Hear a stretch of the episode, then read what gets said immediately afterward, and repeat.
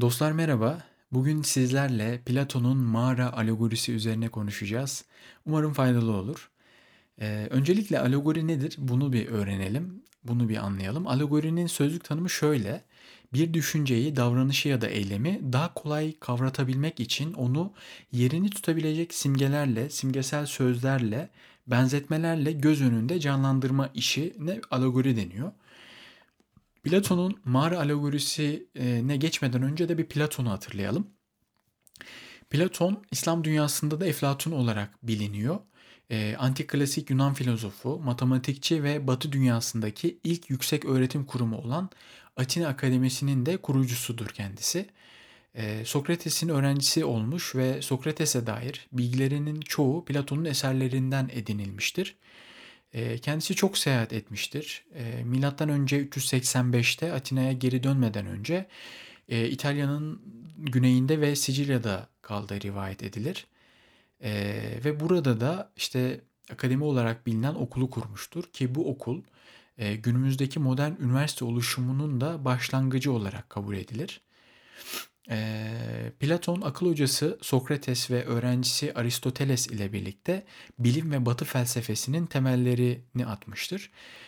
ki Aristoteles de işte hepimizin bildiği Çanakkale'nin Asos bölgesinde yaşamıştır bir dönem. eğer Asos'a gitmediyseniz muhakkak gitmenizi tavsiye ederim. orada bulunan antik kenti ziyaret etmenizi tavsiye ederim. Antik liman kalıntılarına dalmanızı, ve suyun o altındaki zenginlikleri, liman kalıntıları görmenizi şiddetle tavsiye ederim. Ee, tekrar konuya dönecek olursak, e, antik çağ felsefesinin en önemli alegorilerinden biri olan Sokrates'in e, ağzından ortaya atılan mağara alegorisi esasında Platon'un Devlet adlı eserinin de 7. kitabında yer alıyor. Yani esasında bu Sokrates'in e, bir e, görüşü ama biz bunu Platon'un aktarmasıyla öğrenmiş oluyoruz. Peki nedir bu alegori, mağara alegorisi? Bu alegoriye göre bazı insanlar doğuştan itibaren karanlık bir mağaraya zincirleniyorlar. Ki bu öyle bir mağara ki e, bir tane işte bir kapısı var ya da bir deliği var ve bu de, e, deliğin tam karşısında bir duvar var ve bu duvara zincirlenmiş insanlar var ve bu insanlar kesinlikle başlarını sağa sola çeviremiyorlar. Mağaranın kapısından, deliğinden içeri giren ışınların e, yansıttığı, oluşturduğu, duvarda oluşturduğu görüntüleri görüyor bu insanlar ve gerçekliği, gerçek dünyayı böyle algılıyorlar.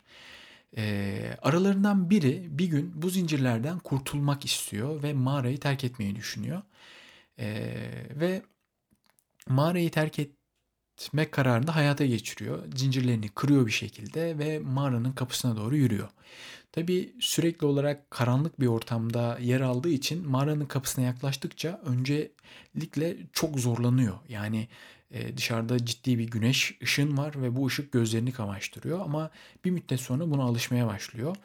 E, ve dışarı çıkıyor. Önce yerdeki çimenleri, o yeşil çimenleri, otları fark ediyor.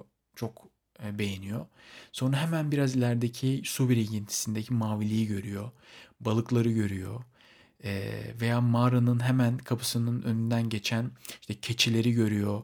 Onların rengarenk e, işte e, işte tüylerini görüyor, işte kelebekleri görüyor. Aslında gri olarak e, duvarlarına yansıyan gölgelerin gerçek hakikat olmadığını anlıyor. Sonra işte gökyüzüne bakıyor, e, bulutları görüyor. Hmm, işte gökyüzünün o sını, sınırsız sonsuz boşluğunu görüyor, hayran oluyor ve en sonunda da güneşe bakıyor ve e, çok şaşırıyor.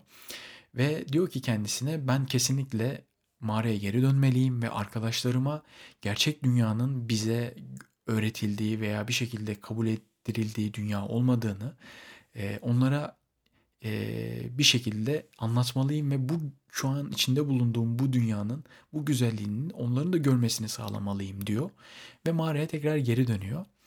Tabii mağaraya gittiğinde çok farklı bir tabloyla karşılaşıyor. Onlara bu gördüklerini anlatıyor arkadaşlarına.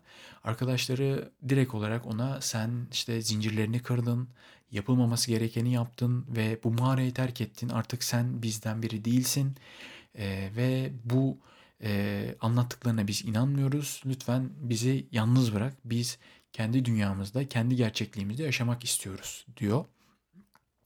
Tabii arkadaşı, e, arkadaşların bu tepkisi üzerine de daha fazla e, ısrar etmiyor ve o mağarayı terk ediyor. Arkadaş e, tekrar e, mağaranın dışına çıkıyor. E, alegoride temel olarak mağaranın toplumu, zincirin o toplumsal yapı içerisinde var olan kuralları, mağaranın duvarına yansıyan gölgelerin de toplumda kabul edilen doğruları sembolize ettiği ileri sürülür. E, buna göre zincirini kıran birey, gerçek hakikatin peşine düşen e, bir filozofu veya sorgulayan bir insanı temsil ettiği rivayet edilir. E, bu alegori ya da bu hikaye beni hakikaten çok etkiledi.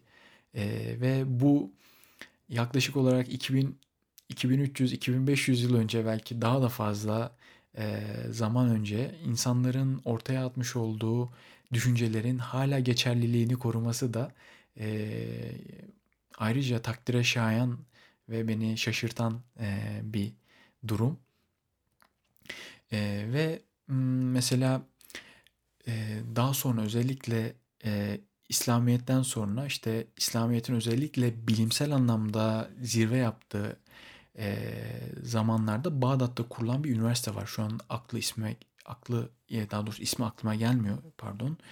E, ve bu üniversitede yapılan ilk işlerden biri de e, Yunan eserlerini bu işte antik çağ felsefesine dair Yunan eserlerinin tamamının e, Arapça diline tercümesiyle başlıyorlar. Çünkü hakikaten orada bir bilgi birikimi var ve e, o dönemki e, bilgi birikimini kullanarak üzerine bir şey inşa etmeye hedefliyorlar ki aslında doğru olan da bu. E, en nihayetinde de bu yani günümüzden 2500 yıl önce ortaya konulan e, görüşlerin, düşüncelerin hala geçerliliğinin devam ettiğini bizzat görebiliyoruz. Ki içinde bulunduğumuz e, toplumun da kendine dair bir takım doğruları var, bir takım kabulleri var ve biz bu kabul ve doğrular üzerinde bir hayat inşa ediyoruz ve buna alışıyoruz. E, tabiri caizse bu toplumun dışarına çıktığımızda ya da bu mağaranın dışına çıktığımızda da hakikatle yüzleşme şansımız oluyor e, ve bunu yapabilmekte bir cesaret gerektiriyor e, Platon mağara alegorisinde e, Sokrates'in aktarımıyla bize bunu anlatmaya çalışıyor. E, bu kolay bir şey değil. E, o dönemde kolay olmamış. Bence şimdi de o kadar kolay bir durum değil. Yani insanların o mağarasını, o zincirlerini kırarak gerçek hakikatin peşine düşebilmesi kolay bir şey değil. Bunu yapabilen de çok e, sınırlı sayıda insan var. E, dolayısıyla dünyayı da ya da içinde bulunduğumuz e, zamanı da biraz böyle yorumlamalıyız. Biraz daha geçmişe bakarak, e, dersler alarak e, önümüze bakıp geleceği şekillendirmeliyiz diye düşünüyorum. E, bu hikaye, bu alegori beni çok etkiledi. Umarım e, burada aktardıklarımda sizlerde bir şeyler oluşmasına vesile olmuştur. Ya da en azından en e, en küçük ihtimalle de böyle bir alegorinin varlığını e, size hatırlatmıştır veya e, hafızanızda yer etmesine vesile olmuştur. E, umarım faydalı olmuştur. Beni dinlediğiniz için çok teşekkür ederim. Bir sonraki yayında görüşmek üzere.